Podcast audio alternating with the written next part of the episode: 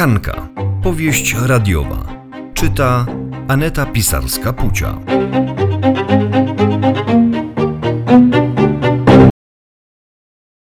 Powieść radiowa Hanka, odcinek 31, akcja ratunkowa. Hanka przed momentem odstawiła Kryśkę pod dom. Teraz pędzi zamyślona prosto do swojego domu. Może Marko jest już w mieszkaniu i na nią czeka? A co jeśli nie czeka i nie jest sam? Stój, Hanka! Hanka, zatrzymaj się! No stój, stop! Krzyknął na drodze Kazik, wychodząc przed maskę samochodu. Kazik, Kazik, no co ty robisz? Zwariowałeś? Ledwo wyhamowałam.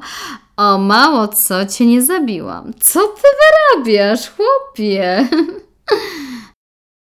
Hanka, daj spokój, zawracaj cię, proszę cię, szybko zawracaj.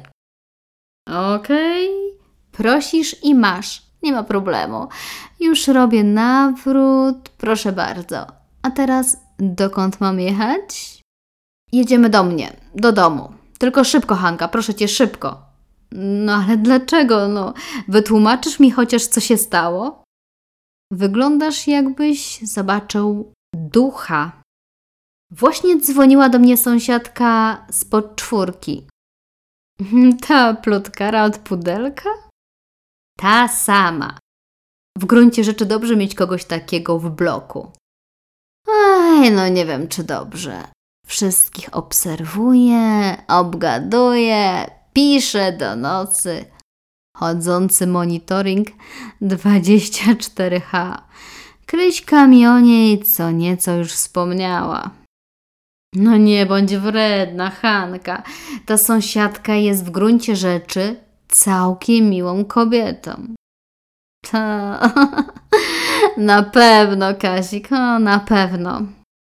No naprawdę, jest w porządku. Przed chwilą odebrałem od niej telefon. Kryśka stoi na klatce, zawinięta tylko w ręcznik i dobija się do drzwi. Ale jak to stoi pod drzwiami? No, pewnie z mamusią się pokłóciły i jedna drugą wystawiła za drzwi. Nie, to niemożliwe. Kryśka nie dałaby się tak łatwo wystawić za drzwi. Znam ją. Mówisz, że Kryśka nie dałaby się. To nie znasz mojej mamusi. Jak ona chce wystawić kogoś za drzwi, to go wystawi, bez względu na to, kim jest. No nie, mów Kazik, że twoja mamusia jest taka bezwzględna, ale dla Kryśki hmm, chyba taka nie jest. Kryśka nie Kryśka, ona za drzwi to wystawiłaby samą królową, gdyby jej podpadła. Dlatego rozumiesz, że trzeba się spieszyć. To w takim razie sprawdź, Kazik, czy masz dobrze zapięte pasy, bo wciskam gaz do dechy, powiedziała Hanka, a Kazik w jednej chwili zbladł. Żartowałam. Zresztą jesteśmy już na miejscu. No nie mów mi, że nie zauważyłeś. Ale ty, Kazik, jesteś strachliwy, a wyglądasz, wiesz, na takiego macho, co niczego się nie boi. A tu proszę, troszeczkę przyspieszyłam i strach w oczach. Wiesz co, Hanka? A ja tak sobie myślę, że ty jednak wiedźmowata jesteś. Już wiem, dlaczego tak się skumplowałyście z Kryśką. Swój do swojego ciągnie, powiedział Kazik i trzasnął drzwiami. Kazik, czy ja mam jej to powtórzyć, czy sam jej to powiesz? Że co? Że nazywałeś nas wiedźmami.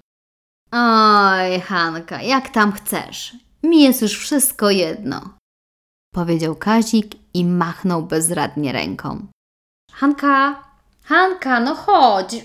Wychodź z auta, na co czekasz? A co z samochodem? Przecież nie można tu parkować. Można, nie można, są sprawy ważniejsze. Zostaw auto i chodź. potem jakoś przeparkujesz. Mm, A, niech ci tam będzie. Najwyżej prześlę ci mandat do zapłaty. Kryśka! Krysiu! Krysiu! Jesteś tam? Wydarł się na całą klatkę Kazik i przebiegł obok dwóch sąsiadek. Nawet ich nie zauważył, za to one zauważyły jego. O, zobacz, najpierw jego panna odstawiała cyrki na klatce z ręcznikiem, a teraz on się drze.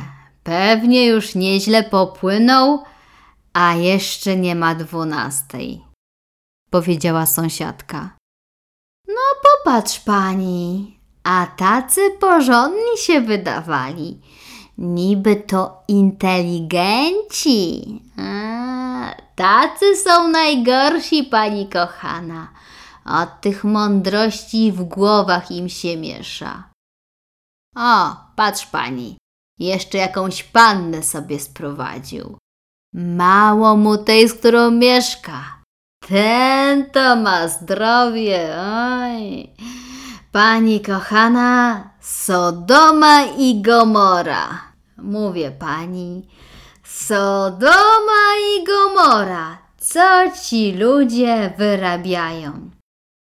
A ta paniusia, co teraz weszła na górę, czuje pani, jak woni? No, czuje coś jakby kwiatowo, owocowo. No nie wiem, co to może być. No ale całkiem, całkiem, całkiem przyjemny zapach. Zapach zapachem, pani kochana, a ile tych perfum na siebie wylała. Pieniądze mają, to się psikają perfumą bez opamiętania. A widzi pani, a tu człowiek idzie na bazar, żeby czegoś dobrego i taniej kupić. A takie ludzie jak ona, to nie patrzą na ceny. Oj nie. Myśli pani, że taka na bazar pójdzie?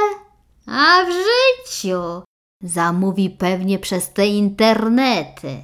Tam, pani kochana, wszystko można kupić. Mówię pani, wszystko.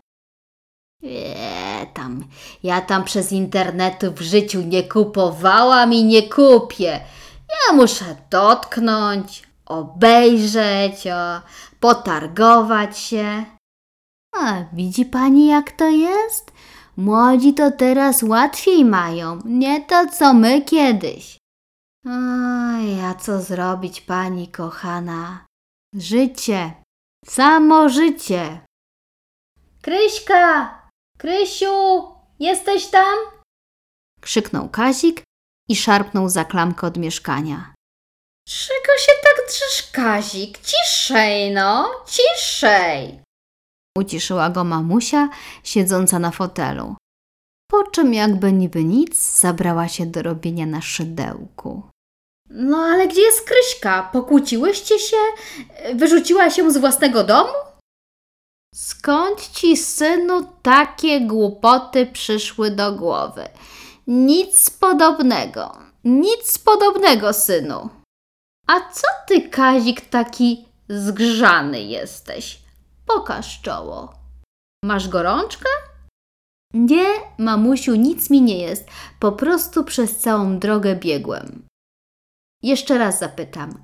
Gdzie jest Kryśka? Jak to gdzie jest Krysia? Odpoczywa w sypialni. Daj jej spokój i nie krzycz tak, nikt nie jest głuchy, no. Kazik poleciał do Kryśki. Rzeczywiście, spała jak zabita.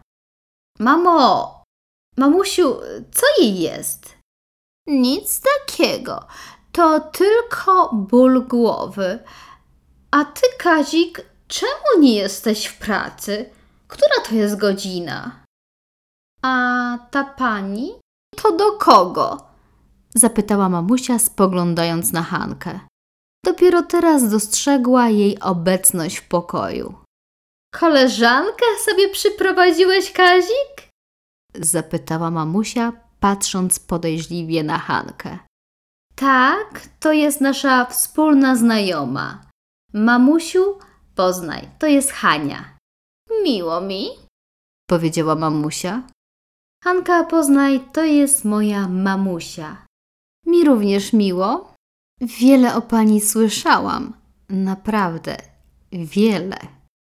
Ja o pani też wiele słyszałam, powiedziała tajemniczo mamusia i wzięła się za swoją robótkę.